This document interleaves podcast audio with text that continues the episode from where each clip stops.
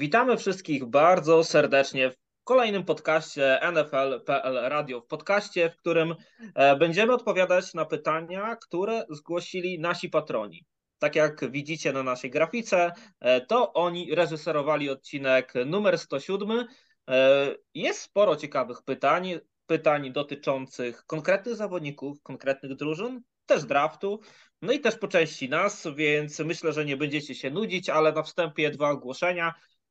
Pierwsze to oczywiście podziękowanie dla naszych wszystkich patronów, którzy wspierają projekt NFL Polska. Jest już ich 18. W ostatnich dniach też kilku dołączyło. W tym najwyższym progu wsparcia Maciej Krzywda i Przemysław Nowak. To dla nas ogromne wsparcie i coś, co pozwala nam tworzyć nowe projekty oraz udoskonalać te, które już mogliście śledzić na naszych wszystkich mediach społecznościowych. Jak zajrzycie na nasz fanpage, to dzieje się tam naprawdę bardzo dużo.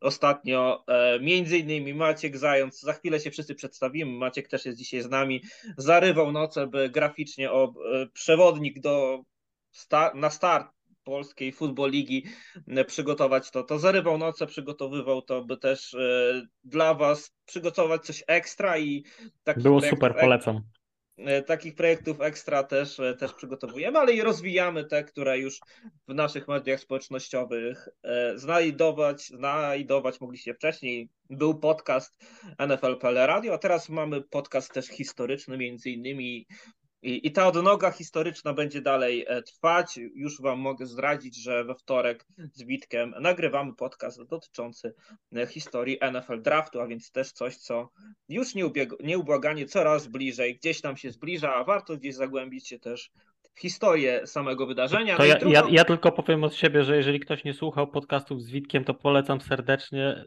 jako osoba, która nie ma z nimi absolutnie nic wspólnego, słucham ich z ogromną przyjemnością. Witek to jest człowiek, który, tak jak kiedyś napisałem Karolowi, gdyby urodził się w Stanach, byłby jedną z gwiazd dziennikarstwa. Tak, a że urodził się w Polsce, to jest gwiazdą naszego portalu. Też to nie było łatwo, by e, Witka namówić, ale ostatecznie po wielu namowach udało się nam pozyskać e, Witka i, no i jesteśmy dumni, że, że jest w, naszym, w naszej ekipie. E, okej, okay, i drugie ogłoszenie to nasz nowy pomysł na promocję futbolu amerykańskiego i samych zawodników grających w ten sport. Wielu z nich to też artyści muzyczni i postanowiliśmy ich na koniec podcastu, oczywiście w miarę możliwości, e, Wam przedstawiać. Dzisiaj usłyszycie zawodnika Panthers Wrocław, a wychowanka i przez wiele lat zawodnika Lowlanders Białystok Sebastiana Kojkoła. Możecie go znaleźć na YouTubie wpisując nazwę Bart Barian i zakończy on nam podcast kawałkiem Wykuj mnie ponownie. Zachęcamy więc, by pozostać z podcastem do ostatnich sekund nagrania. No i okej, okay, to, to, to tyle, jeśli chodzi o ten wstępniak do podcastu. Myślę, że śmiało możemy się już z Wami oficjalnie witać. Maciej Zając jest z nami. Cześć Maciek. Witam serdecznie, cześć. Hubert Gawroński. Witam wszystkich. A ja nazywam się Karol Potaś. No i panowie, żeby mieć dobry wstępniak do dyskusji, mm, to pytanie, pierwsze pytanie od patronów. E, kto z NFL jak na razie wygrał free agency, czyli rynek wolnych agentów, a kto waszym zdaniem śpi, śpi snem zimowym, chociaż sytuacja rosterowa drużyny wskazywałaby raczej na konieczność intensywnego działania i może zacznijmy od tych, którzy postarali się o tym, by, by, by o nich dobrze mówić, więc jeśli chodzi o wygranych, Maciek, kogo mógłbyś wskazać? i dlaczego? To jest wbrew pozorom bardzo dobre pytanie, bo ja takiego jednego, jednoznacznego wygranego na szybko nie jestem w stanie znaleźć. Kilka bardzo fajnych ruchów w Atlancie. To, jest, to są ruchy, które mi się podobają. Mm, Jesse Bates podpisany, przedłużony Chris Lindstorm. Wymiana po człowieka, który miał ostatnie sezony troszkę gorsze, ale nadal jest olbrzymim talentem Johnu Smitha. Myślę, że Atlanta Falcons w tej bardzo, bardzo słabej, przynajmniej do tej pory, dywizji może, nie, może wyrastać już chyba na, na jednego z faworytów, zwłaszcza jeżeli ustabilizują pozycję rozgrywającego, bo tam jest tak naprawdę największy znak zapytania. Takim oczywistym zwycięzcą mogą być Chicago Bears, ale no to trudno, żeby było inaczej w sytuacji, w której byli drużyną, która miała zdecydowanie z olbrzymią przewagą najwięcej pieniędzy. Chociaż z małą skazą, bo mówiliśmy, że mają właśnie dużo pieniędzy i lewego takla trzeba załatwić, zrobić wszystko, by był ten lewy takl, bo są nazwiska, które są naprawdę warte podpisania. No A ja się dziwię, się że nie dziwię się, że nie przebili tej oferty, którą Bengals dali Orlando Brownowi. Bo, Pewnie bo daliby to, 5-10 milionów więcej, jeśli chodzi o te wszystkie lata i, i pewnie by go mieli. Na pewno, bo Orlando Brown on wprost mówił, że tu chodzi o pieniądze i tu chodzi o gwarancję na kontrakcie, więc no daliby trochę więcej pieniędzy i by go mieli, tak jak mówisz. Trochę dziwi właśnie brak ruchu na, na tej pozycji lewego takla, no bo, bo to przy, przy nowym, młodym QB, zwłaszcza takim tego typu QB, tak? No bo to jest jednak bardzo ruchliwy zawodnik, zawodnik, który potrzebuje trochę biegać czasem, a Orlando Brown akurat z biegami radził sobie dobrze, o ile do jego gry przy podaniach można mieć pretensje i, i miewał gorsze momenty, to przy grze biegowej naprawdę sprawdzał się znakomicie, więc tym bardziej dziwi mnie to, że, że Bears się nie połasili i nie, nie szarpnęli trochę wyżej, żeby go ściągnąć. Hubert, jakbyś się ustosunkował do, do, do tych słów Maćka, no i ogólnie może masz jakiegoś swojego faworyta. No, jest trudno nie wybrać Bears, bo to jest drużyna, co tak jak Maciek mówił, mieli kupę kasy i, i wydali rozsądnie i TJ Edwards, dobry linebacker, Tremaine Edmonds, dobry linebacker, ym, oczywiście DJ Moore, to im sporo pomoże, ale je- no, żeby, żeby popsuć Znaczy, też- taką też sytuację, to Bears też się ciężko. będzie, myślę, że za Bears też bardzo mocno będzie się ciągnęła ta wymiana po Chase'a Claypoola, przez którą tak naprawdę stracili tak wirtualnie jeszcze jeden pik pierwszej rundy, bo tak naprawdę w efekcie okazało się, że to jest pik 32, więc To prawda. No tak, ale drużyna, która mogłaby wygrać, ja nie wiem czemu mogłaby, bo jeszcze to się nie stało, to jest Jets, bo wymiana o Aaron Rodgers wymiana e, po Aarona Rodgersa nie sprawi, że wygrają free agency. i nie sprawi? Ale Ja- mogą przegrać, ale mogą, prze, ale ja- mogą ja- przegrać, jak, jeżeli jak tego nie Jets, zrobią. Jets są QB od Super Bowlu tak naprawdę, albo bardzo blisko Super Bowlu, więc jak traktujemy wymianę jako free agency, w tym nie, no wypadku tak, ja tak robię, traktujemy. to, to w mojej ocenie jakikolwiek quarterback, czy to Lamar, czy to Aaron, jak rzeczywiście tam trafi i chyba trafi. Aaron Lamar Rodgers- jasne, Lamar jasne, ale nie, nie Aaron Rodgers. Aaron Rodgers jak trafi do Jets, bo tak na razie jest wszystko, tak, tak wszyscy myślą, że tak będzie, yy, no to zależy, który to Aaron się pojawi, bo ze zeszłego roku to tak, tak sobie grał, ale, ale też można powiedzieć, że on miał mniej, yy, mniej talentu na ataku, żeby, żeby I dlatego teraz y, Jets ściągają wszystkich wide receiverów Packers. No, Lazard, tak? I kto jeszcze tam yy, wleciał? Już Chyba tylko mówię. Alan Lazard. Już ci doku- zaraz, zaraz tu znajdę Tak czy inaczej, e, w ostatnich e, dniach pojawiła się też informacja, że obie strony bardzo naciskają na to, by ta wymiana się dokonała przed draftem. Więc myślę, że to gorące dni dla wszystkich w Nowym Jorku, wszystkich związanych z New York Jets. Zresztą o New York Jets też właśnie a propos wspomnianego podcastu z Witkiem Cebulewskim, to, to ostatni podcast, e, właśnie podcast historyczny, to była część o, o New York Jets, ale no, ja jakby może nie powiem, że wygrają e, rynek wolnych agentów, jeśli podpiszą Arona Rodgersa, ale jeżeli tego nie zrobią i zostaną z tym, co są, to na pewno będą największymi przegranymi. I tu nie ma chyba żadnych wątpliwości, bo wyczyścili się z wszystkiego, co mieli, jeśli chodzi o talent na pozycji quarterbacka. E, Nawet backupa wymienili, bo wydawało się chyba im, że, że ten Ro- Rodgers jest klepnięty, a na tą chwilę, na ten moment wydaje się, że wcale to tak nie musi wyglądać, więc jeżeli tego to się nie dokona, to, to będą największymi przegranymi moim zdaniem. Jeśli No tak, to się jeżeli- dokona, Jeżeli nie będzie poprawy na pozycji QB, to Jets wyjdą na straszne pośmiewisko. To tak, jeżeli, jeżeli zostaną z Aaronem Rodgersem, okej, jeszcze chyba nie byłbym, dałbym, że są jacyś super wygrani, ale jeśli we- wezmą Lamara, no to myślę, że to, że to też będzie e, duży... Lamara, duży... Lamara nie wezmą e, Karol, bo oni jeszcze wierzą Wiem, w Zach Wilsona. Że nie chodzi o No, wyrównanie, oni nie jeszcze no coś ty. Tak, i ja myślę, że dlatego wolą Arona Rodgersa, bo okej, pogra rok, dwa, rok naj, najprawdopodobniej i potem Zach Wilson znowu będzie starał się jakby, tam, tam on ogólnie ma spore poparcie, Zach Wilson mimo wszystko. I ja myślę, że oni chcą jeszcze dać mu jedną szansę po Rodgersie. I wtedy zobaczą tak naprawdę. Oczywiście ta, ta kolejna szansa będzie w jakimś formie competition, no nie, nie będzie oddany tej pracy, ale, ale na pewno będzie miał jeszcze jedną szansę. I, i on ma duży talent, Zach Wilson, on ma talent jak młody Aaron Rodgers, tylko że no między uszami nie jest za bardzo y, poukładany, więc dlatego jest jak jest, ale no, y, dlatego mi się wydaje, bo oczywiste by było, żeby zapłacili Lamarowi cokolwiek chce, dali te dwie rundy i by mieli quarterbacka na następne pięć lat, powiedzmy. Y, ale no, to nie jest.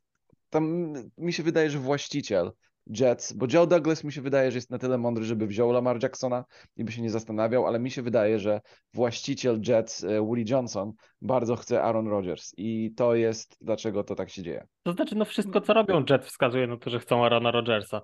Ja tylko jeszcze chciałem takiego małego, nieoczywistego zwycięzcę free agency. To są ruchy niedrogie, poza jednym Devlin, Delvinem Tomlinsonem, ale to są ruchy bardzo rozsądne i i bezpieczne, łącznie z wymianą po Elijah Mura, czyli Cleveland Browns.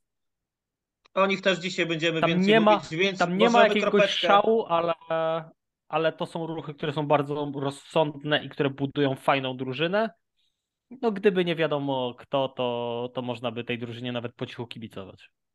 Tak, e, dla mnie taka mała gwiazdeczka przy tym, co się wydarzyło w ostatnich tygodniach i jakie problemy były w drużynie Cincinnati Bengals, bo o nich chcę powiedzieć, to podpis tego Orlanda Browna za naprawdę nie aż tak duże pieniądze, patrząc na rynek. Oczywiście stracili Jesse Batesa, wiadomo było, że, że to się nie uda trzeba byłoby pewnie wyprzedać pół drużyny. No ale jeśli pozyskali Orlando Browna i jeśli Johna Williams zostanie wymieniony jeszcze za jakiś pik, a może zostanie w drużynie, bo tak jak to też Hubert w jednym z ostatnich podcastów wspominałeś, e, czasami dasz troszkę więcej jakichś bonusów i, i wszystkie nieporozumienia idą w niepamięć, więc e, dla mnie ta drużyna może być mocniejsza. Oczywiście nie ma Jesse Batesa, ale może jakiś e, pik w drafcie, może gdzieś ktoś dołączy do tej drużyny i, mm, i, i oczywiście będzie to gdzieś zauważalne, ale może nie aż tak bardzo, natomiast po lewej stronie Joe Barrowa będzie spokój i, i, to, to jest coś, co na pewno gdzieś tą drużynę będzie napędzać. Ja tylko, ja tylko powiem, że tym, że będzie spokój, to bym poczekał. Bo ja oglądałem Orlando Browna przez ostatnie dwa lata bardzo dokładnie i to był upgrade na pozycji lewego takla w Chiefs, ale to nie jest tak, że on był bardzo dobry. Miewał mecze, gdzie wyglądał naprawdę fatalnie i kończyło się tym, że saków nie było tylko dlatego, że Mahomes czarował.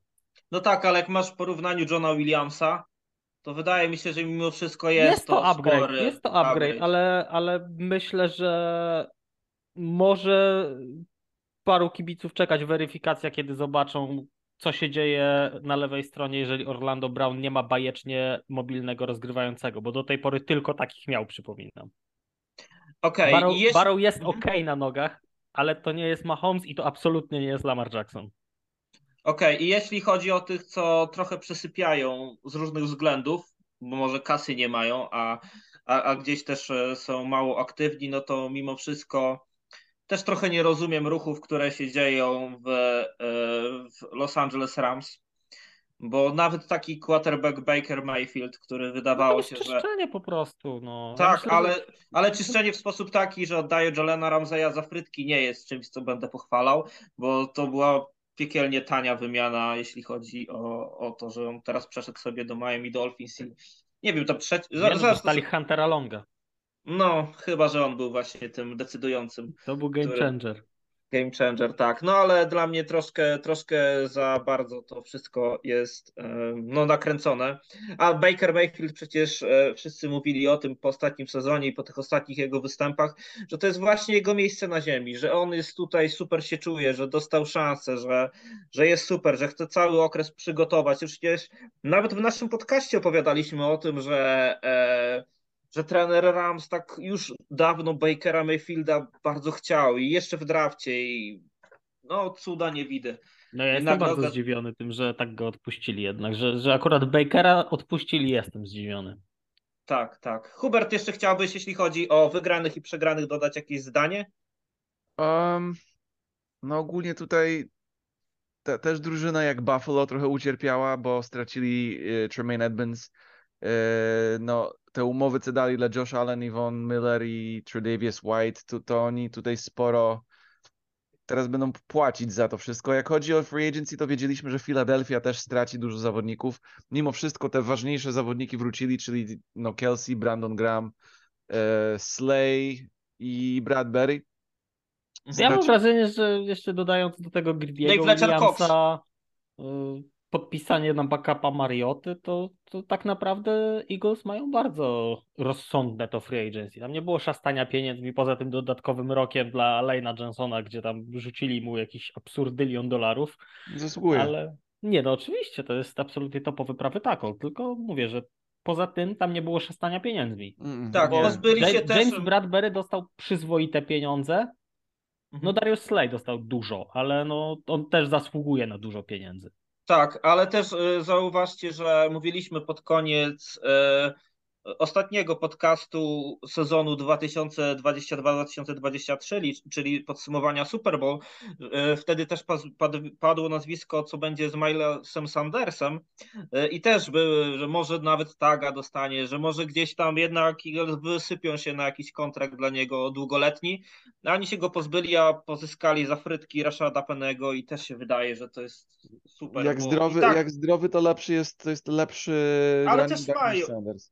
Dokładnie, a mają też i tak y, całkiem niezłych biegaczy też w składzie, więc w sumie nie trzeba, żeby było, żeby Penny był na pełen etat. A, a jednak jest drużyna, która nie, ma, nie, nie, nie wierzy w e, jednego running backa i tyle. To jest drużyna, która musi mieć z trzy i każda jakąś, jakąś tą rolę spełnia.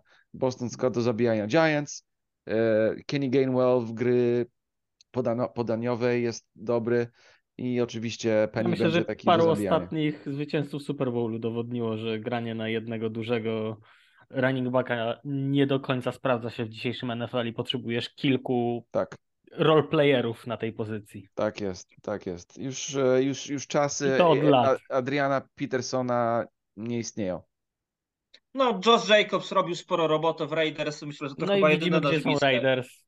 Ale to też, ale on dostał tylko taga, więc to też jest tylko roczny kontrakt i w sumie może być zero. absolutnie nie Nikt ma. nie- Nie, no trudno mieć pretensje do, do, do Raiders, że dają taga dla, dla Josha, ale chodzi nam o to, znaczy mi przynajmniej, że, że płacenie dużej ilości pieniędzy running backowi w dzisiejszym NFL mija się z celem, bo Albo przynajmniej długoletnie kontrakty, bo jeszcze, jeszcze jeden rok to jeszcze myślę, że jest tam do przejścia, bo Mhm. Bo to jest taka, no mówię, jeżeli zagrał super sezon wcześniej, no to możesz wierzyć w to, że e, sezon że temu... zagra kolejny, tylko tak, Tylko zobacz, ale dajesz masz, mu masz, kontrakt... Josha, masz Josha Jacobsa, masz Derricka Henry'ego, masz, nie wiem, jeszcze paru fantastycznych running backów, no tylko co z tego, skoro potem przychodzą tacy Chiefs, biorą sobie w siódmej rundzie Isaiah Pacheco i on jest wystarczająco dobrym running backiem. No ja też nigdy nie będę wierzył w e, wybierania running backów w pierwszej rundzie lub płaceniu im po kontrakcie na przykład Ci, teraz. sami, ci sami Chiefs wybrali Clyde'a Edwardsa Hiller w pierwszej rundzie i jest to jeden z najgorszych pików, jakie były w tamtym drafcie. Tak, a mówiło się, Nie że bierzesz, nie, to jest nie bierzesz running backów wysoko. Nie bierzesz Nie running backów wysoko, nie nawet- płacisz on- running backom. Ale on był jeden z ostatnich pyków w tym roku. To nawet nie był taki wysoko, ale wysoko dla running backa to jest druga runda na przykład. I, i Tak. a, a, a, ja jestem przecież tego, ja, się zgadzam. W której rundzie rundzie był nigdy. wybrany Alvin Kamara? Trzecia? Trzecia, Chyba czwarta, koniec no. trzeciej. No, no, no.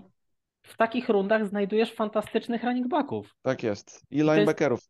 I, i linebackerów, bo linebackerzy wybierani wysoko to jest kolejny problem. I o Tak. tym też kiedyś trzeba będzie zrobić podcast, dlaczego nie bierzesz linebackerów wysoko. Chodzi, no Ale, tak. ale po prostu tak jest. No, nie potrzebujesz. Ale running wiecie, że w tym roku pierwszej będzie. Ale wiecie, że w tym roku na 99%, No a pewnie nawet na 100 będzie. będzie wybrany. Będzie Bijan Bi- Robinson, Bijan bo- Robinson wybrany. Tylko zobacz, będzie Bijan Robinson wybrany, trafi do jakiejś drużyny i on będzie świetnym running backiem. Ja daję sobie obciąć dowolną kończynę, że on będzie fantastycznym running backiem, przynajmniej przez jakiś czas. Z tym, że prawdopodobnie w skali ligi nic nie osiągnie, bo będzie po pierwsze, pewnie trafi do nie najlepszej drużyny. Ma, mam, mam pytanie dla ciebie, Maciek.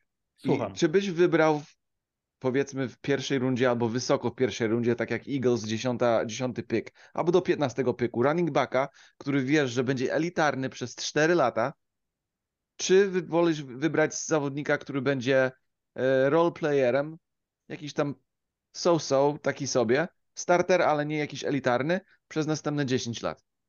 Nie, no wiesz, to, to jest trochę inny temat. Zależy od pozycji, bo wartość pozycyjna jest różna i wszyscy o tym doskonale I wiemy. od e, sytuacji samej drużyny, jakie ona w ma sytuacji problemy. drużyny. W sytuacji Eagles, którzy są drużyną może nie kompletną, ale są, mam wrażenie, przynajmniej w zeszłym roku byli najbliżej bycia kompletną drużyną, więc zakładam, że teraz bardzo się nie oddalili w związku z tym, co sami powiedzieliśmy przed chwilą, że no nie osłabili się znacząco, też nie wzmocnili, ale nadal są bardzo blisko bycia kompletną drużyną. Wyobrażam sobie wzięcie running backa, ale nie z tym dziesiątym pikiem, bo tam będą po prostu zawodnicy z co najmniej takim potencjałem, z dużo wyższą wartością pozycyjną. No przecież w tym drafcie mamy tak niesamowite nazwiska, mamy tak niesamowity talent na szczycie, zwłaszcza, że pierwsze cztery piki, może nie pierwsze cztery, ale w tych pierwszych kilku pikach pójdzie czterech rozgrywających. Więc na miejscu dziesiątym dla Eagles zostanie tyle talentu, że branie tam running backa to jest dla mnie, to, to się nie broni. Nie, ja, ja, ja, ja modlę się o Jalen Carter, że, że spadnie do dziesiątki i Nie. Raiders go wezmą wcześniej. Jeżeli on spadnie, to na stówę. Nawet jeśli będzie tam QB e, pokroju. No z, Jalenem Carterem ostatnio podobno parę drużyn go skreśliło w związku z tymi jego y, personalnymi zachowaniami i tymi... Ziomek, ziomek jechał za szybko samochodem, to jest co ja, co ja wiem. Nie, to, znaczy to To jest jedna rzecz. To jest jedna rzecz, że on jechał za szybko samochodem i tam się ścigał z kolegą. To jest jedna rzecz. Ale druga rzecz jest taka, że wielu drużynom nie podobało się to, co robi ze swoim menadżerem, czyli odmawia spotkań z drużynami, które mają piki po, powyżej dziesiątki, bo są pewni, że zostanie wybrany w dziesiątce. To jest taki smokescreen, może żeby stworzyć wrażenie dla Wiesz, innych drużyn. Trochę tak, ale z drugiej strony to jest podpowiedź, że tam może mentalnie być jakiś nie do końca poukładane, że tam może być jakaś nadmierna pewność siebie, a już było paru zawodników w NFL z nadmierną pewnością siebie, którzy się spalali błyskawicznie. Plus na Combine i na, na Prodeju wcale Jalen Fatalny. Carter nie wyglądał tak dobrze jak na taśmie, bo jakby nie można mu odmówić tego, że on na, na, na uczelni w Georgii grał fantastycznie. No z tym, że na Prodeju, na Combine wyglądał dramatycznie źle. On No chyba właśnie, więc- no, on, on, Ra, on raczej, dostaniemy, raczej dostaniemy tego Cartera z Georgii, no bo no, to nie jest tak, że on nagle zapomniał jak się gra, no ale tam coś może nie klikać do końca, tam coś może nie klikać do końca, ja mam wrażenie i, i nie zdziwię się, jak on spadnie do dziesiątki i, i nawet, nie wiem, 12, 13, 14. Nie No będę wtedy- w szoku. No i wtedy będzie pytanie, czy Eagles go Inna sprawa, że nie będę w szoku, potrzebę. jak ktoś go weźmie z trójką, bo to, to jest ten kaliber zawodnika, ale to jest jedna z No. naj, największych, moim zdaniem, e, właśnie takich historii tego draftu, gdzie w końcu będzie wybrany Jalen Carter, bo talent jest, no tylko czy, czy wszystko inne będzie na miejscu. Dokładnie, a Las Vegas e, Raiders miejsce może ciekawe, przynajmniej patrząc z perspektywy Dla kogoś, kto się lubi ścigać, fantastyczne. No, dla kogoś, kto się lubi ścigać, niekoniecznie, nie? Znamy historię e, z zawodnikami Raiders i Las Vegas, jak to wszystko wyglądało. Będzie, będzie kusić ich los, by, by podobne rzeczy pewnie robić. No i tutaj też dobra robota menadżera jest, by, by tak pilnować swojego zawodnika, by, by ten tych problemów jednak nie miał. Zresztą warto pamiętać, że e, nawet, e, bo E, News z ostatniej chwili, news z ostatniej chwili, Jeffrey Simmons podpisał czteroletni kontrakt z Titans. Przedłużenie. Kurde, myślałam, że Eagles po jego, jego wezmą. Myślałem, No że chyba oddadzą jedno- dziesiątkę za Jeffrey Simmons. To by było piękne. jedno z ostatnich chyba takich Tak, większych nazwisk. To nadal nie które- wyklucza. Titans lubią oddać wartościowych zawodników do Eagles za pierwszą rundę. To jest e, całkiem realne faktycznie. Ale dobra, skoro jesteśmy, skoro jesteśmy przy tych trochę przegranych, a może takich właśnie, którzy trochę śpią. mm, e, Drugie pytanie, drugi temat od naszych patronów to prośba o kilka zdań o Dallas Cowboys, ich potencjał na kolejny sezon. Czy wypuszczenie Ezekiela Eliota, bo to faktycznie już się wydarzyło, im pomoże i co dalej z Dakiem? Mm, I do tego też można wpiąć kolejne pytanie, e, bo e, jeden z naszych patronów pyta, co sądzicie o Eliocie w Eagles bądź w innym klubie? Jak już przy Dallas jesteśmy, no oczywiście to powiązanie e, Philadelphia Eagles i, i Eliota nie jest przypadkowe, bo na jednej mm, z rozmów, czy po prostu przekazał to Eliot w mediach, że bardzo chciałby między innymi do Philadelphia Eagles trafić, tam on wymienił chyba trzy drużyny, ale między innymi do, do Philadelphia Eagles chciałby trafić. Problem w tym jest jednak taki, że e, szanse na to są 50%. E, da, da, Ezekiel Elliott chciałby i pewnie o tym informuje, ale Philadelphia Eagles jeszcze chyba o tym nie wie albo, albo nie odwzajemnia tej miłości. A jak to jest u ciebie, Hubert? No. Odwzajemniasz mi, miłość do Eliota i widziałbyś go w drużynie, czy nie? Za weteran minimum. Za weteran, okej, okay, za weteran minimum tak, oczywiście, bo to po, po, po pierwsze, on ma tylko 28 lat, 27 lat.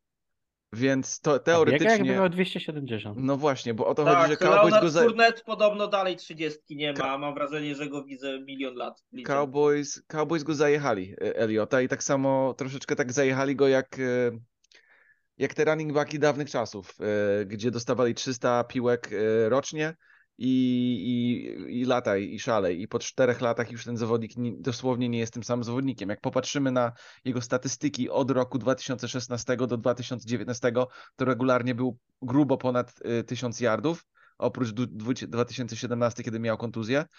I potem jakby po tych czterech latach 2020 już spadł jakby z, z klifu. 1000 yardów ledwo, i y, przeciętne na y, każde, każdy bieg spadł do 4 yardów i w tym roku było 3.8, więc był fatalny.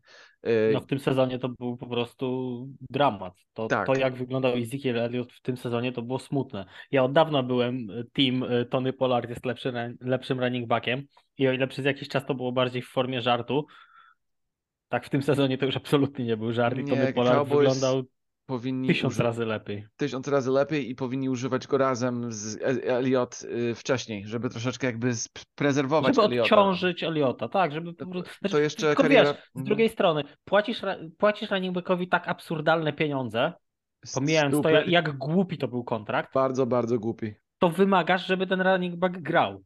No tak. No, więc to trochę się samo napędzało, no. Znaczy ja powiem tylko, że e, ja widzę Ezekiela Eliota w Arlington Renegades i to, to, jest, to jest to, czego ja się będę trzymał. Skoro już chce Texas. Tak, nie, skoro nie, podoba mu się Texas, ale jest Philadelphia, jest Philadelphia Stars w UCLFL. Jak chce, jak chce grać za tą minimalną stawkę, czy tam milion dolarów i być na short yardach, to, to nie ma problemu. Może podpisywać taką umowę i dostanie może 3-4 piłki meczowo, którego i, i tyle. Bo, bo to jest wszystko na co. On, on nie będzie w Filadelfii na bank. Ja wiem, że tam była plotka, ale to się nie stanie. Znaczy, Adam Schefter poinformował o tym, że Philadelphia Eagles, New York Jets i Cincinnati Bengals to, to drużyny, gdzie chciałby wylądować Mm, ale wyląduje w Arlingtonie, ale... jak Maciek mówił, to wy, wyląduje w Arlington. Philadelphia Stars to jest mój drugi faworyt, skoro chce Filadelfię. Tak jest. I, to, I USFL jest... czeka. Nie, ja, A ja jeśli chodzi o tak, ja, jeszcze chwila, bo ja chciałem jeszcze powiedzieć o, o Eliocie. Ja się wcale nie zdziwię, jeżeli Ezekiel Elliot teraz podpisze jakiś właśnie, tak jak tutaj się pośmieszkowaliśmy, y, gówniany kontrakt na weteran minimum z jakąś drużyną, dostanie tam absolutne minimum snapów i okaże się, że przy tej małej ilości snapów on jest w stanie wykręcać cyferki.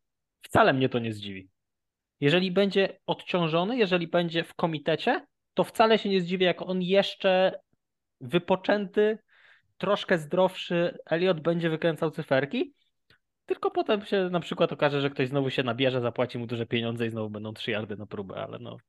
No, no to. Ty, ty, tylko tyle powiem, że wcale się nie zdziwię, jak grający w komitecie running backów Elliot jeszcze będzie w stanie coś dać tej lidze.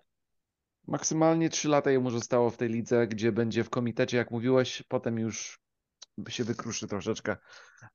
Jego styl grania nie jest jakiś taki, gdzie te ciało jego jakby jest do prezerwowania, on prosto leci, on, on nie unika kontaktu, on w kontakt wchodzi i, i to jest dlaczego jego kariera wyglądała jak wyglądała, bo on po prostu się zajechał.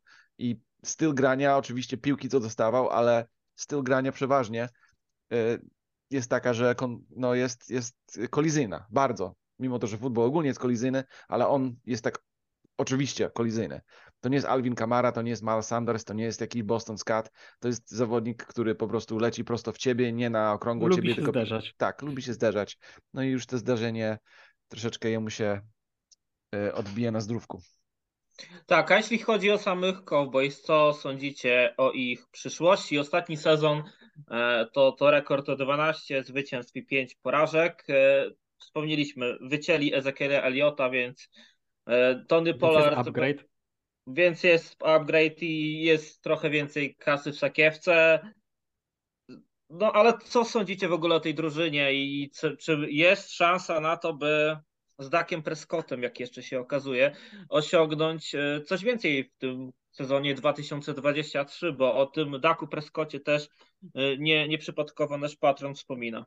No ten, ten rok ostatni, co miał, to był trochę pechowy, e, jak chodzi o, o oddawanie piłkę i tak dalej. Miał 14 chyba intów i to, to, to jest zła rzecz, bo ogólnie był precyzyjny taki zawodnik, który dbał o piłkę, no i, i aby ten problem się nie powielał, tylko wrócił do normy, który, który, która była, że tą piłkę, no, że tam mniej niż 10 intów rzucał rocznie, to, to powinno wyglądać spoko. Dodali Brandon Cooksa, dodali Yy, czyli pff, zatrzymali sobie jeszcze. Yy, nie, Dalton Schultz od, odszedł, ale mają, mają Dalton chyba Schultz trzy. odszedł. Odszedł, ale mają chyba, mieli chyba trzech takich kompetentnych tight endów. Ten atak tak naprawdę powinien. Mają tego Peytona Hendersota, pamiętacie, to świetne nazwisko. Ten Hendershot, najlepsze nazwisko w NFL. Jeden z. Tak. Jed- Jedno z... Ale nie, no pozyskali Stefana Gilmora, który nadal mimo, Właśnie. mimo wieku może być elitarnym cornerbackiem. No Brandon Cooks to też jest. No, jest Brandon Cooks pozyskany w wymianie. Tam nie było potężnych wzmocnień, ale z drugiej strony Cowboys to nie była drużyna, która przegrała tą ligę, bo brakowało jej czegoś na jakiejś pozycji. Nie, no tam większość pozycji była przynajmniej kompetentna. Trochę brakowało. Korpus wide receiverów był fantastyczny. Tam zabrakło troszkę, troszkę szczęścia, troszkę doświadczenia i, i mam wrażenie, że troszkę lepszego trenera głównego. No tak I to wygląda. I póki to się nie zmieni, to, to mam wrażenie, że może tak, może powiem tak. Aaron Rodgers w szczycie formy był w stanie pomimo McCarthy'ego wygrać Super Bowl. Dak Prescott jest trochę gorszym rozgrywającym niż Aaron Rodgers w szczycie formy, dlatego nie wygra Super Bowl z McCarthy'm.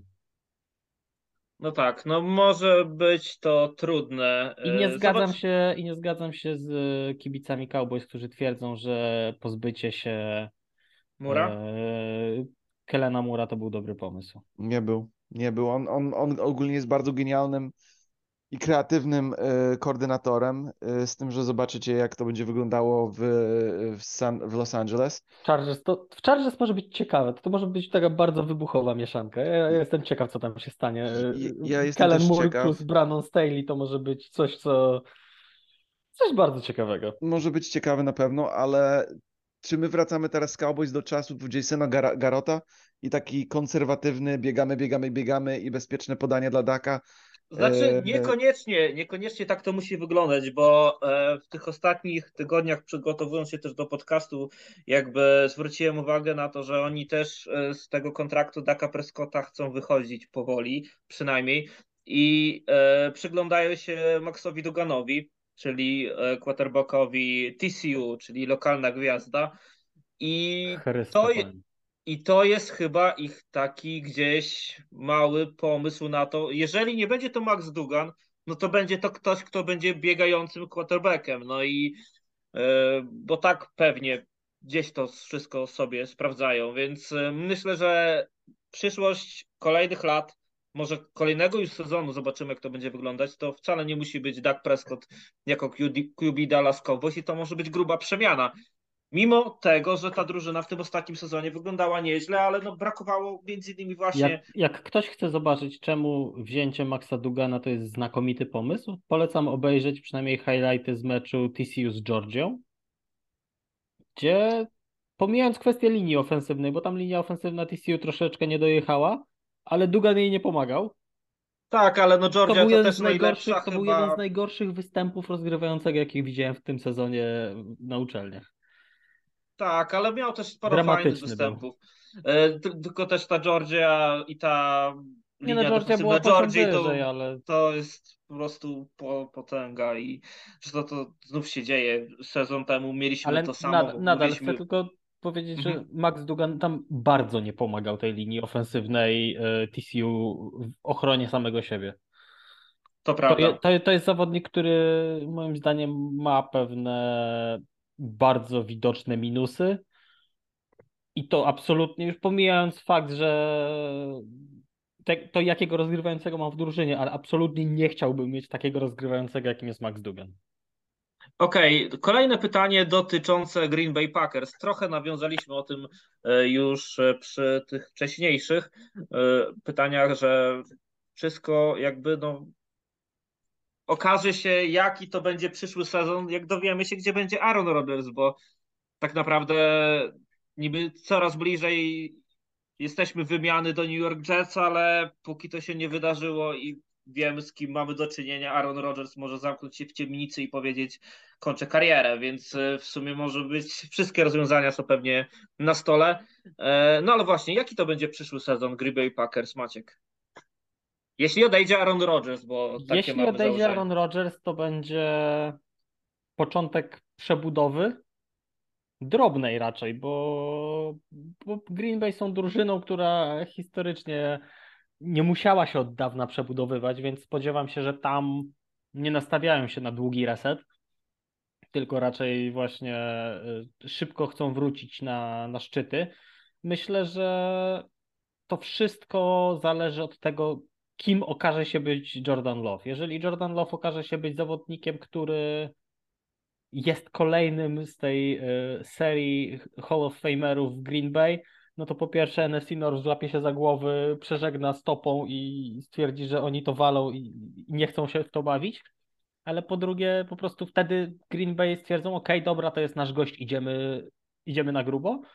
A jeżeli Jordan Love nie jest tym gościem, to, to Green Bay sobie po prostu mogą ten sezon odpuścić. Tam nie ma jakiegoś niesamowitego talentu w drużynie w tej chwili. Spokojnie stać ich na to, żeby sobie ten jeden sezon przytankować i w kolejnych draftach szarpnąć się na troszkę pewniejszego elitarnego QB, bo w przyszłym roku kilku takich się szykuje. I Hubert? myślę, że po prostu to jest czekanie na to, czy, czy, czy Jordan Love jest odpowiedzią, a jeżeli Jordan Love nie jest odpowiedzią, to, to jakoś sobie z tym poradzą. Hubert, co No, sądzisz o jest- Green Bay Packers? 8-9 w zeszłym e, sezonie. Playoffów nie było, chociaż były bardzo blisko. Wystarczyły wygra wy- wygrać z Detroit Lions, którzy nie walczyli o nic, a przegrali. No Za myślę, że, Aaronem Rodgersem. myślę, że Jordan Love y, pokazał w, że w zeszłym roku, że jest gotowy przynajmniej y, jakby skorzystać z tej szansy. Y, na pewno był kompetentny w meczu przeciwko Eagles, jak Aaron Rodgers wszedł z boiska, bo był skontuzjowany. Um, no, ale tak jak Maciek mówił, tutaj trzeba większą jakby próbkę y, spróbować i ta próbka musi wy, wyjść właśnie w trakcie całego sezonu, więc może zaskoczyć wszystkich i to będzie drużyna, która, bo ich obrona jest nawet, nawet, Packers z tego co ja pamiętam, to nawet najgorszej obrony nie mieli. Nie była też najlepsza, ale chyba była taka, że no, Jair Alexander tam jest i, i parę innych fajnych nazwisk, to, to niekoniecznie to jest taka drużyna, co jak, jak, jak quarterback dojedzie, to totalnie może być wildcard drużyna. Ja myślę, że Lions albo Vikings, no może Lions bardziej wygrają tą dywizję, to jest dla Lions do wygrania w tym roku dywizja, ale jak, e, Ja myślę, że w tej chwili to jest już dla wszystkich do wygrania dywizja. no może jest, jest, jest, jest, jest na pewno jest na pewno równo. Ja bym powiedział, że, że jednak, jakbym dzisiaj musiał wybierać, to jednak Lions bym wybrał, ale, ale oczywiście tutaj to, to, to nie jest stuprocentowe. Jakby nie było. To, co Maciek powiedział, jak Jordan Love jest quarterbackiem porządnym, to oni nawet mogą do rozgrywek wejść, a jak nie, no to roczna roz... To taka- przynajmniej będą wiedzieli, że nie, bo to też jest pytanie, że ten przyszły sezon to może być odpowiedź po prostu, czy Jordan Love to jest ktoś, kogo warto inwestować i, I tyle. kto, I kto wie, co będzie się działo za rok z Lamar Jackson, tak? Czy, czy on podpisze umowę jednoroczną, czy zagra na tagie, tag, tagu jakimś, czy za rok będzie znowu wolny do wzięcia i tak dalej, i tak dalej, więc dużo się może wydarzyć. Y, Jak najbardziej muszą Packers dowiedzieć się, co to jest, kim to jest Jordan Love i czy on wie, jak grać w amerykański futbol w Green Bayu. Okej, Cleveland Browns. E, Maciek, wspominałeś, że to drużyna, której ruchy na rynku wolnych agentów ci się podobają. Powiedz, y, mamy takie pytanie, czego im brakuje, aby wymieniać ich jako kandydatów do Super Bowl? Myślę, że takich top 3, no bo jako czołówka to oni są wymieniani chyba już nawet sezon temu, chociaż y, wiadomo było, że początek sezonu będzie z, y, bez, bez będzie Jacobim Brissettem, a, a bez Deshona Watsona. Szczerze, słabszego AFC tak w 100% szczerze, bo w tej chwili Cleveland Browns, gdyby byli w NFC, spokojnie można by było ich obok Eagles, obok Cowboys rozpatrywać jako drużynę, która ma największe szanse na wejście do, do Super Bowl, ale po prostu w, w świecie, w którym obok siebie masz Bengals tej samej dywizji, obok są Bills, obok są Chiefs, obok są kolejne drużyny, które się wzmacniają. Miami będzie bardzo mocne. New York Jets, jak mm. będą mieć normalnego QB. No dobrze, ale no. Bądźmy znaczy nie, no- poważni no, przez trzy minuty. No ale ja, jeśli widzę Lamara Jacksona na przykład w New York Jets, z tym, co oni mają w defensywie przeciwko Cleveland Browns, to wcale nie stawiam tam faworyta Cleveland Browns. Zresztą zobaczymy, jak to będzie wyglądać, ale też chodzi o to, że ekipa Cleveland y, Ekipa Ma... Cleveland jest mocna, ale jest, mocna. jest za słaba na top 3, top 4 AFC w tej chwili. Po prostu. Tak. Oni tylko mają chyba Amari Cooper jako skrzydłowy, no nie? Nie, jest. E, teraz jest Elijah Moore z, A, tak, z tak, tak. Jest Donovan Peoples-Jones, który jest całkiem niezły, którego ja bardzo lubię a bardzo go nie lubiłem, jak wychodził z uczelni. Uważałem, że to jest e, przereklamowany zawodnik i nic z niego nie będzie. Bardzo się oszukałem i nabrałem do niego bardzo dużo sympatii. Podoba mi się to, jak gra w Browns. No i trochę e, no i przede wszystkim no każdy rok progres. Tam jest ta, ta bajeczna linia ofensywna. No. no i mówię, odkurzyli trochę Davida Njoku, więc Harrison Bryant też łapie swoje piłki jako Titan oczywiście, ale to też gdzieś swoje, swoje robi. Deshaun Watson lubi do nich rzucać. No i sam Deshaun Watson, który będzie grał cały sezon, to też jest coś, co myślę, że raczej oni w playoffach będą, ale właśnie o to chodzi, że jeżeli masz. No, no i właśnie, czy, czy jesteśmy pewni, że oni będą w playoffach? Bo to AFC jest absurdalnie mocne. Myślę, że na tyle szeroka jest jednak szansa tych drużyn grać no, tych playoffach. Chwila, więc... chwila. No, zwycięzcy dywizji, załóżmy, że Cleveland nie wygrywają dywizji, bo faworytami są Bengals. No to poza no tak. Cleveland do playoffów mamy Miami, bo zakładamy, że Bills raczej wygrają. Zależy, co się będzie działo w Baltimore. Jeżeli tam posprzątają ten syf, który w tej chwili tam jest, to oni nadal są drużyną, która ma szansę i mimo tego, że nie lubię tej drużyny, Jim Harbaugh jest w stanie to posprzątać. Mamy Chargers. Plus, plus mamy absurdalne AFC West Chargers i Denver. I Raiders. Z grzeczności nie wspomniałeś. Trzy minuty mieliśmy być poważni. Okej. Okay. Denver, ja znowu będę wierzył, że mogą być mocni i pewnie znowu świat mi udowodni, że gówno wiem o futbolu. Ale no Denver, jeżeli nie z Seanem Paytonem, to nie wiem z kim. No i zobacz, Denver, Chargers, być może Baltimore, Miami, do tego Browns, a zostają trzy wildcardy. No tak, w sumie. Nie, nie jesteśmy, nie jesteśmy pewni, że Browns biorą ten wildcard tak łatwo, jeżeli nie wygrają dywizji. I widzisz, jest fantastyczna drużyna Cleveland z bardzo dobrym rozgrywającym. Jeżeli Deshaun Watson jest w szczycie formy, spokojnie możemy mówić o nim jako top 5, może nawet top 3 rozgrywający NFL dzisiaj. No tylko co? Tylko AFC jest absurdalne. No to prawda, może być, może być ciekawie. Hubert, trzy słowa chcesz jeszcze dodać do Cleveland? No właśnie, to jest, to, to z Maczkiem się zgadzam tutaj też. Ta, ta drużyna jest 100% gotowa do, do, do wygrania NFC, tylko że nie grają w NFC, w AFC. Tak. Grają i, i, i to jest drużyna, która będą potrzebowali jak najlepszą wersję do Shona Watsona, tą, za, tą, za, tą wersję, którą, którą zapłacili Browns za 260 zagwarantowanych milionów, co widocznie popsuł rynek e, dla quarterbacków, czyli dla Lamara Jacksona.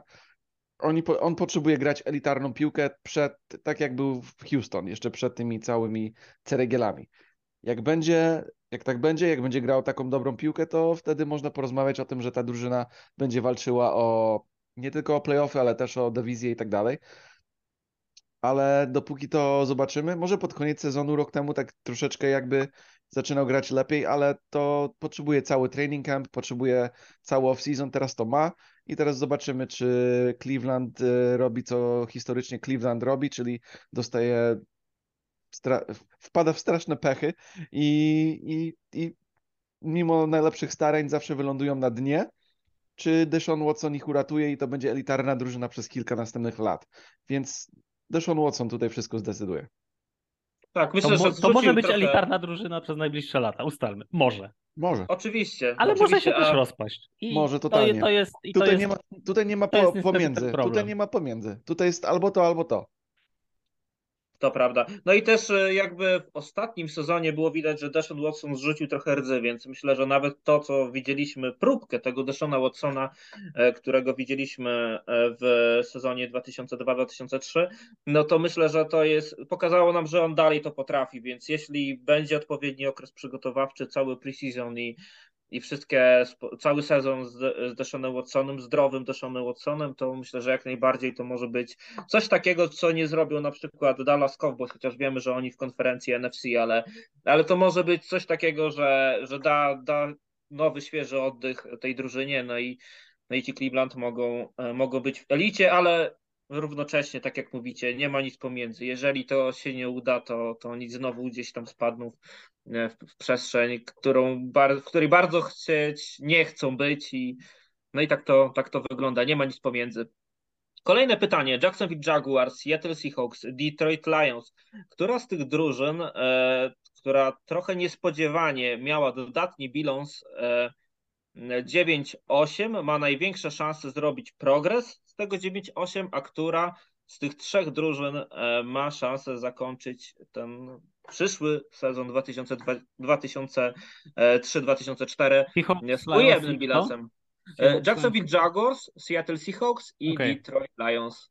No to moim zdaniem wszystkie robią, wszystkie robią, progres, bo, bo wszystkie te drużyny mam wrażenie, że swoje sukcesy opierały na tym samym, czyli na bardzo dobrym zaciągu z ostatnich draftów. Bo, bo w Jacksonville wreszcie e, pozbyli się e, kickera trenera i okazało się, że Doug Peterson z Trevorem Lorenzem są w stanie robić piękne rzeczy i Jaguars zagrali naprawdę bardzo ładny sezon. Łącznie z tym pięknym meczem playoffów z Chargers, gdzie już wszyscy stwierdzili, ok, dobra, pobawiliście się chłopaki teraz do domu, a Jaguars stwierdzili, że nie, że grają, że pokazują, że tam to było naprawdę znakomite widowisko i Jaguars będą tylko lepsi, bo to jest kolejny sezon, to jest kolejne wzmacnianie się. Ta drużyna po prostu się rozwija z młodym, bardzo zdolnym rozgrywającym. To jakby, jeżeli nie będzie katastrofy, to muszą być lepsi. W Detroit chyba, to samo. Chyba, chyba się zgadzamy. Hubert y, też to samo, nie? Co, co Maciek powiedział.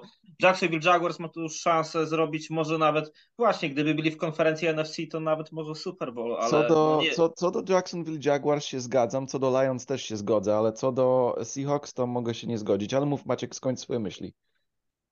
W Seahawks moim zdaniem y, wszystko zależy od tego, co zrobią z rozegraniem, bo tam na razie jest Gino Smith i Gino Smith na kolejny sezon będzie wystarczający, jeżeli ta, bo ta drużyna nie walczy o Super Bowl, no nie oszukujmy się. Ten wynik 9-8 był trochę ponad stan i według mnie kolejnym sukcesem będzie, nie wiem, powtórzenie tego 9-8 czy zrobienie jakiegoś 10-7 i to będzie też wynik, który da dużo tej drużynie i, i przede wszystkim ja czekam, co zrobią z rozegraniem, bo ostatni draft Seahawks to było odwrócenie tej historii, tego jak śmialiśmy się z Seahawks, że wybierają dziwnych ludzi w pierwszej rundzie, że tam dzieją się jakieś cuda w tym drafcie. Pozdrawiamy czasami. wszystkich biegaczy, linebackerów, Rashad Penny Rashada Pennego chociażby, ale ten ostatni zeszłoroczny draft to było po prostu perełka za perełką.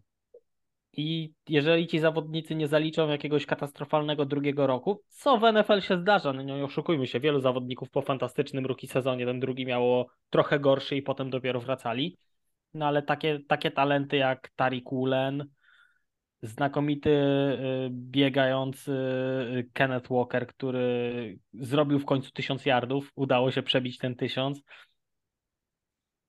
Wypada mi cały czas to nazwisko liniowego, którego, to jest którego wzięli. Nietypowe. Cross, chyba Charles Cross był jeden Tak, z nich, Charles dru- Cross. ale drugi był jeszcze jeden tam, jakiś Był drugi i był. egzotyczne imię. Też sobie go nie przypomnę, ale obaj liniowi wzięci przez Seahawks to był też bardzo dobry wybór. Więc y, naprawdę Seahawks bardzo dobrze zrobili w tym drafcie, bardzo dobrze podziałali. Jeżeli będą w stanie to powtórzyć, przynajmniej w pewnym stopniu, no bo nie oczekuję, że znowu wyciągną czterech niesamowitych graczy, ale niech wyciągną dwóch bardzo dobrych, niech wyciągną dwóch bardzo dobrych starterów. Niech ci, których wyciągnęli w zeszłym roku się nie pogorszą. Niech Gino Smith zagra to, co zagrał w zeszłym roku i to spokojnie jest drużyna na playoffy w NFC. Zwłaszcza w takim NFC, jakie mamy w tej chwili. No a czego życzyłbym fanom e, Seahawks, no to jest to, żeby wzięli jakiegoś sensownego rozgrywającego. Jest e, trzech na szczycie w tym drafcie. Są, są Na- dwa. Na Strauda i Younga raczej nie mają szans, ale, ale Resztę, myślę, że resztę to project. Oczywiście, ale no właśnie dlatego masz Gino Smitha, żeby, żeby wziąć chociażby tego Antonego Robinsona i, i spróbować przez sezon rozwinąć ten projekt, zobaczyć co wyjdzie. E, A tak tylko uzupełniając, Abraham Lucas, e, Abraham trzecia Lucas, runda. tak. Tak, tak. Washington State e, i też a propos tego, że nie bierzemy running backów w pierwszej rundzie, ten fantastyczny Ken Walker też był wzięty w drugiej rundzie, pik 41. Tak, to, to był dość wysoko wzięty, ale Kenneth Walker. Ja nie chcę mówić, że dobra, ten się akurat broni, ale, ale Kenneth Walker to był, to był człowiek, który był prognozowany na pierwszą rundę i, i w pierwszej rundzie myślę, że byłby reachem troszeczkę, a, a wzięty w drugiej rundzie jest, jest dobrym wyborem i, i wcale się nie dziwię, że, że wygryzł spokojnie Rashada Penego i, i zajął sobie spokojnie pozycję startera. Tak, a tym, e, tym właśnie wybranym w pierwszej rundzie zawodnikiem z dziewiątym pikiem był Charles Cross, e, Tak e, ofensywny, liniowy Mississippi State. E, Okej, dobra, to jeszcze zostało nam te, tych Lions, bo nie omówiliśmy. O Seattle Seahawks jesteśmy raczej zgodni, że no właśnie te 9-8, utrzymanie tego 9-8 to, to już będzie sukces. A co z Lions? Hubert? No, La- Lions mają bardzo fajną drużynę, która zaczyna wierzyć w siebie. W tym roku pokazała, że mają NFC atak Nord do wygrania. totalnie do wygrania NFC Nord. Ja myślę, że wygrają NFC Nord. Ja bym był zawiedziony. Będzie lepiej jak 9-8? Ja myślę, że może być 11-6. Ja, ta drużyna naprawdę pokazała, że Jared Goff, jak ma wszystko jak działa, ma dobrych skrzydłowych, jak ma yy, koordynatora, który ma wyobraźnię na tak troszeczkę jak Sean McVay, to Jared Goff jest bardzo dobry rozgrywający. To, jest, to ten rozgrywający był w Super Bowl. I, i trzeba go, to tutaj już trzeba dać mu ten szacunek, tak? Jak grałeś w Super Bowl, to znaczy, że jesteś na tyle kompetentny, że, że nadajesz się, żeby być starterem w, tym, w tej lidze. On w tej chwili ma... Hubert nawet e, chwaląc Jareda Goffa tak naprawdę chwali Jimmy'ego Garapolo. Tak, tak. Nie, ale, ale, ale Jared Goff tam, okej, już, już totalnie pomijając to, że, że lubię Jimmy'ego i tak dalej, on nie jest elitarny quarterback, to są dwa inne quarterbacki. Jared Goff yy, jakby Jared Goff ma polegał na momenty, obronie. kiedy jest elitarny. Tak, tak, tak bym to powiedział. To jest, Dawno tych momentów nie miał, w sensie w końcówce y, w Rams i na początku w Lions tych momentów nie miał, Ale potem się zaczęły miał. zdarzać coraz częściej. tak, Tak. tak, tak. Co by nie mówić, Jared Goff jest tym gościem, który razem z Patrickiem Mahomesem stworzył jeden z najlepszych ofensywnych meczów w historii NFL. Tak, to był, to, to, to jak nie mieliście okazji jeszcze obejrzeć tego meczu, to zachęcam na YouTube'a. Tam chyba było 50. Chyba jest ja- w całości. Tam, tak, tak, zaraz, zaraz sprawdzę, jak ten był Jaki był dokładnie wynik? To był 40, chyba 8, 53, coś takiego. 54, Tak. pi- 51. 100 punktów Tak. było, ponad 100 punktów w 54, meczu. 51. I to był ten mecz chyba czwartkowy, z tego co pamiętam. Tak, nie? to Bo był mecz czwartkowy, w którym stwierdziłem, że to była, to była ta elitarna defensywa Rams i wtedy w fantazy zdjąłem e, chyba, chyba Hilla czy Kelsey'ego, bo stwierdziłem, że ci Rams go zablokują. No to tak, to domyślajcie się, jak, jak, to- jak to wyglądało, skoro było 100 punktów w meczu. To prawda. Niesamowity mecz. Ja też pamiętam, że go oglądałem na żywo i później jeszcze tak cały w ekstazie.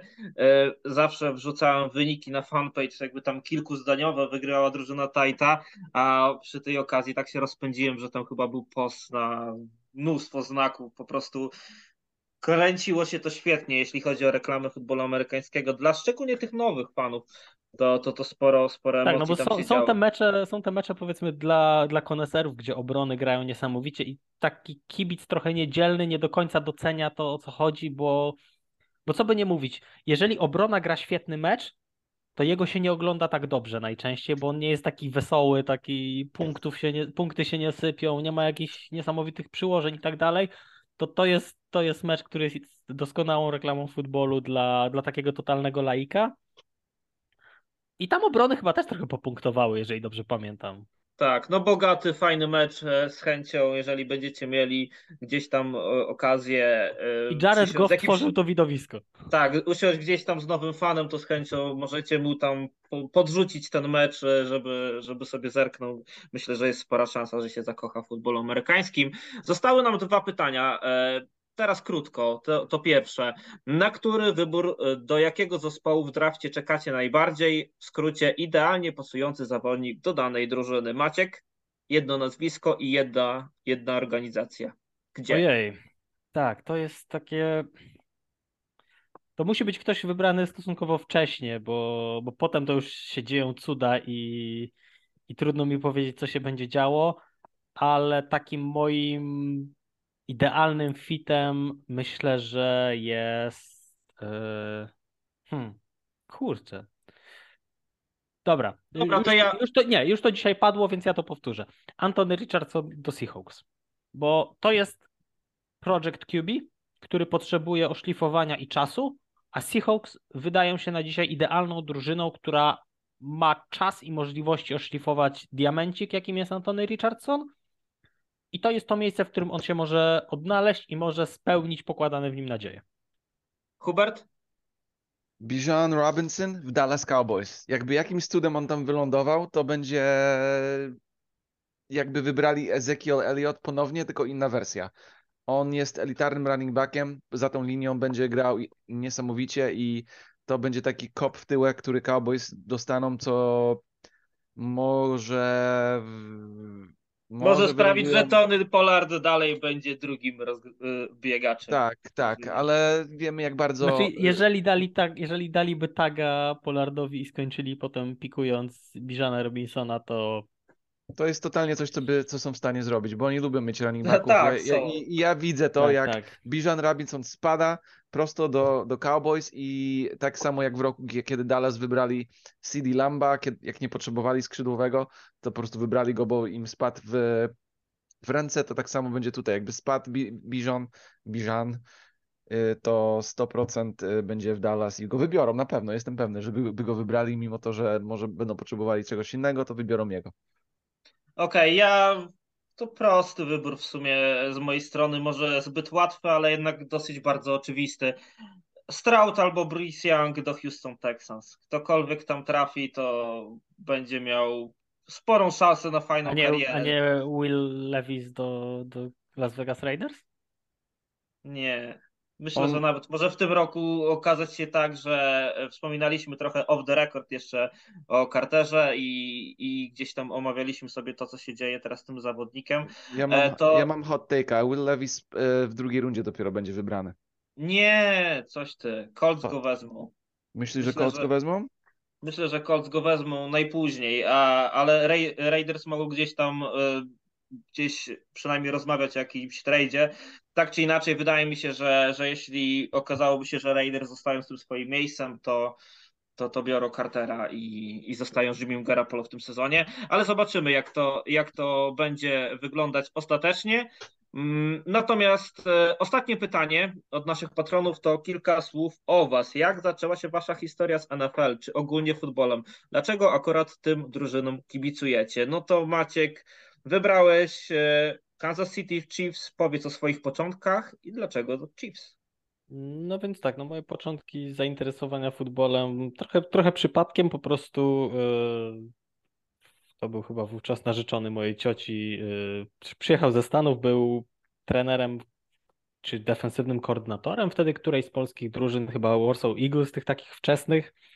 No i któregoś razu oglądał sobie mecz, zacząłem oglądać razem z nim. On był fanem e, Steelers i to był mecz właśnie Steelers-Chiefs, to był 2000, sezon chyba 2012, ten ostatni przed Andy Reidem. No i on kibicował Steelers, więc ja z przekory kibicowałem Chiefs i dostali wtedy strasznie w trąbę. Ale jakoś tak zostałem z nimi i po, po wielu latach y, zwróciło mi życie za te lata wywalania się y, metr przed kiblem, jak to mawia redaktor Gutka. I, I teraz jestem szczęśliwym kibicem Chiefs, a nie tylko poszkodowanym przez życie kibicem Chiefs. A to, to jest wersja oficjalna, jak rozumiem, a, a ta nieoficjalna, nieoficjalna to jest ta, że Patrick Mahomes... Zacząłem, zacząłem kibicować, jak Patrick Mahomes się pojawił, tak. I to tak, w tym drugim tak. sezonie, bo w pierwszym to on, co tam zagrał jeden mecz z. z Denver. wtedy kibico, kibicowałeś pewnie wszystkim, aż do czasu jak potrafił się, pojawił się Patrick Mahomes i dobra, biorę Chiefs. Tak, jak możesz? Teraz to mnie serduszko boli. Hubert, e, ty się związałeś z Philadelphia Eagles. Powiedz dlaczego Eagles i w ogóle dlaczego futbol amerykański? Ja pierwszy raz to się styknąłem z futbolem amerykańskim, to jak byłem bardzo młody chłopczyk, to był, miałem chyba 8 czy 9 lat i moi rodzice mieli e, jakiś tam kolegów, kole, jakaś tam rodzina w New Jersey, w South, South Jersey przy Filadelfii i e, pojeździłem tam i ta, ta taka koleżanka miała synka, która, który z czasem się dowiedziałam, że lubi futbol. No i mi pokazywał karty, y, takie trading cards, no nie, i tam był Randall Cunningham, tam stare zawodniki, on zawsze mi mówił, że lubi Eagles, lubi Eagles, bo akurat mieszkał przy Filadelfii, ja wtedy nie wiedziałam nic na ten temat, więc polubiłem Eagles i, i jakoś on mnie wciągnął w ten sport i on niestety miał problem z sercem i umarł y, jako młody chłopak. Ja po prostu jakby czułem odpowiedzialność, żeby kontynuować byciem kibicem Eagles i tak zostało. I po wielu, wielu latach w roku 2017 wygraliśmy Super Bowl, po wielu latach e, prawie, ale nie, nie do końca, cztery, cztery przegrane e, półfinały i tak dalej. Wygraliśmy Super Bowl i to był taki jakby kulminacyjny moment mojego, mojej kibicości, jakby mojego kibic, jakby to, jakkolwiek by to nazwać. Um, no i tak ja zapoznałem futbol i dlatego, dlatego byłem kibicem Eagles, bo od młodego miałem kumpla, który mnie zapoznał ze sportem. On był kibicem Eagles i, i mnie jakby wciągnął w to i tak dalej, więc to tak, tak wyglądało. No proszę, kawał historii. Tego chyba no. nawet my Maciek nie znaliśmy, że tak to się nie. zaczęło u Huberta. Tego nam Hubert nie opowiadał.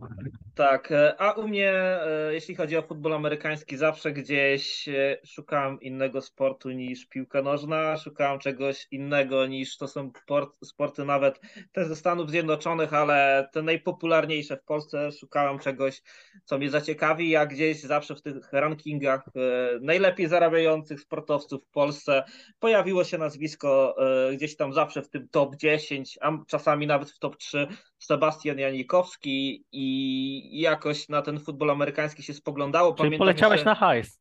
Znaczy pamiętam, że to poleciałem, poleciałem na to, że e, nie miałem jeszcze, pamiętam wtedy, e, dostępu do stałego łącza w internecie, a a, można było włączyć w telegazecie stronę chyba, nie wiem, teraz z pamięci 821 czy jakaśkolwiek inna i tam zawsze były skróty informacyjne z różnych sportów, e, Mariusz Czerkawski, co tam zrobił, kto co zrobił tam. I zawsze była informacja w poniedziałek, e, że też Sebastian Janikowski w lidze NFL tam dla Oakland Raiders tyle i tyle punktów zdobył. I to było zawsze coś takiego, co Oakland Raiders, Oakland Raiders, Oakland Raiders. I mówię, dobra, poczytam o tej drużynie. I poczytałem jakby o całej historii i czym jest miasto Oakland i, i jak to się zmieniało w ogóle w przestrzeni i w tych ostatnich latach Raiders, dlaczego kiedyś było Las Vegas, teraz jest Las Vegas, a wcześniej było Los Angeles, i dlaczego jest to tak drużyn, taka drużyna, która pewnie ma w każdym stanie trochę fanów, e, a w sumie nie jest jakaś super elitarna, e, więc e, jakoś gdzieś to tak do mnie przemówiło, a że jeszcze był tam Sebastian Janikowski, to też nie ma co ukrywać, też gdzieś wzmogło moje zainteresowanie drużyną z Oakland, no i zostałem przy tych Raiders, a futbolem zacząłem się amerykańskim interesować, no mówię, to już, to były lata temu, jeszcze pamiętam, że pierwsze swoje spotkania oglądałem po włosku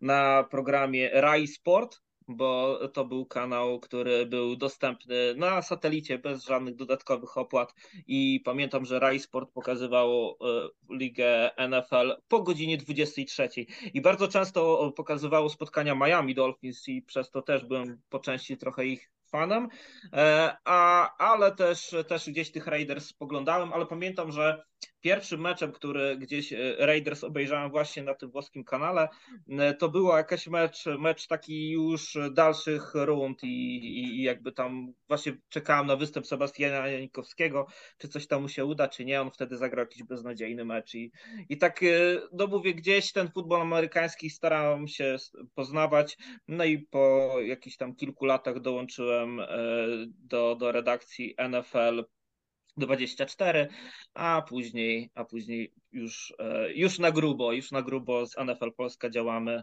już od ponad 10 lat, więc e, myślę, że to całkiem, całkiem fajny, całkiem fajny wynik. Mm, okej, okay. E, myślę, że jeszcze do tych historii będziemy wracać. Chętnie też posłuchamy, jak Kuba będzie z nami przy następnym podcaście, jak to u niego się zaczęło, bo to takie pytanie wdzięczne też planowaliśmy się Wam trochę przedstawić, a skoro też padło od naszego patrona, to, mm, to myślę, że też to jest fajna okazja, by też zobaczyć nas troszeczkę innej strony, jak u nas wyglądały te początki. Okej, okay. E, jeśli chodzi o podcast numer 107, to już wszystko. E, na koniec zostawiamy Wam, tak jak wspominaliśmy, z kawałkiem Barbarian, czyli e, produkcji wychowanka Lowlanders Białystok, obecnie zawodnika Panthers z Wrocław Sebastiana Kojkoła. Też chcielibyśmy na koniec jeszcze raz podziękować wszystkim naszym patronom. Dziękujemy, że, że nam pomagacie tworzyć te wspólne projekty, pomagacie też tworzyć ten podcast, bo dzisiejszy, dzisiejszy podcast to jest, to jest wasza reżyseria, to wy go ułożyliście i my byliśmy tylko jego częścią, e, a do następnego mówią wam Maciej Zając. Cześć. Hubert Gawroński. See you later, guys. A ja nazywam się Karol Tak bez Broncos County? To, to jest tylko na sezon regularny, Maciek. To nie można no tak, używać tak, bo cały oni czas. nie znają. Nie znają. Do następnego, cześć.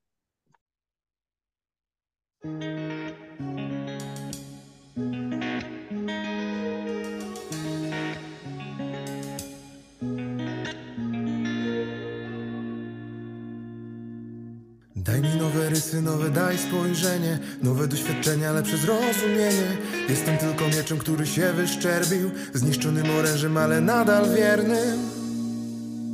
A kiedy przegram, wykuj mnie ponownie. Hartuj moje myśli, szlifuj mą melodię. Wypal me emocje, ozdób moje słowa Kowalu losu, mnie od nowa. Ciąłem przecież wszystko to, co było trzeba Aby los pasował jak gwiazdy do nieba. Zabrałem na siebie każde uderzenie. Przetrwałem i teraz czekam na zbawienie. A kiedy przegram, wykuj mnie ponownie. Hartuj moje myśli, szlifuj mą melodię. Wypal me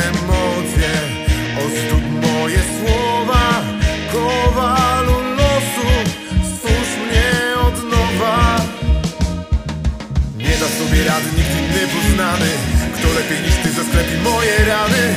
Wypalmy emocje, ozdób moje słowa Kowalu losu, stwórz mnie od nowa. A kiedy przegram, wykuj mnie ponownie. Hartuj moje myśli, szlifuj mą melodię.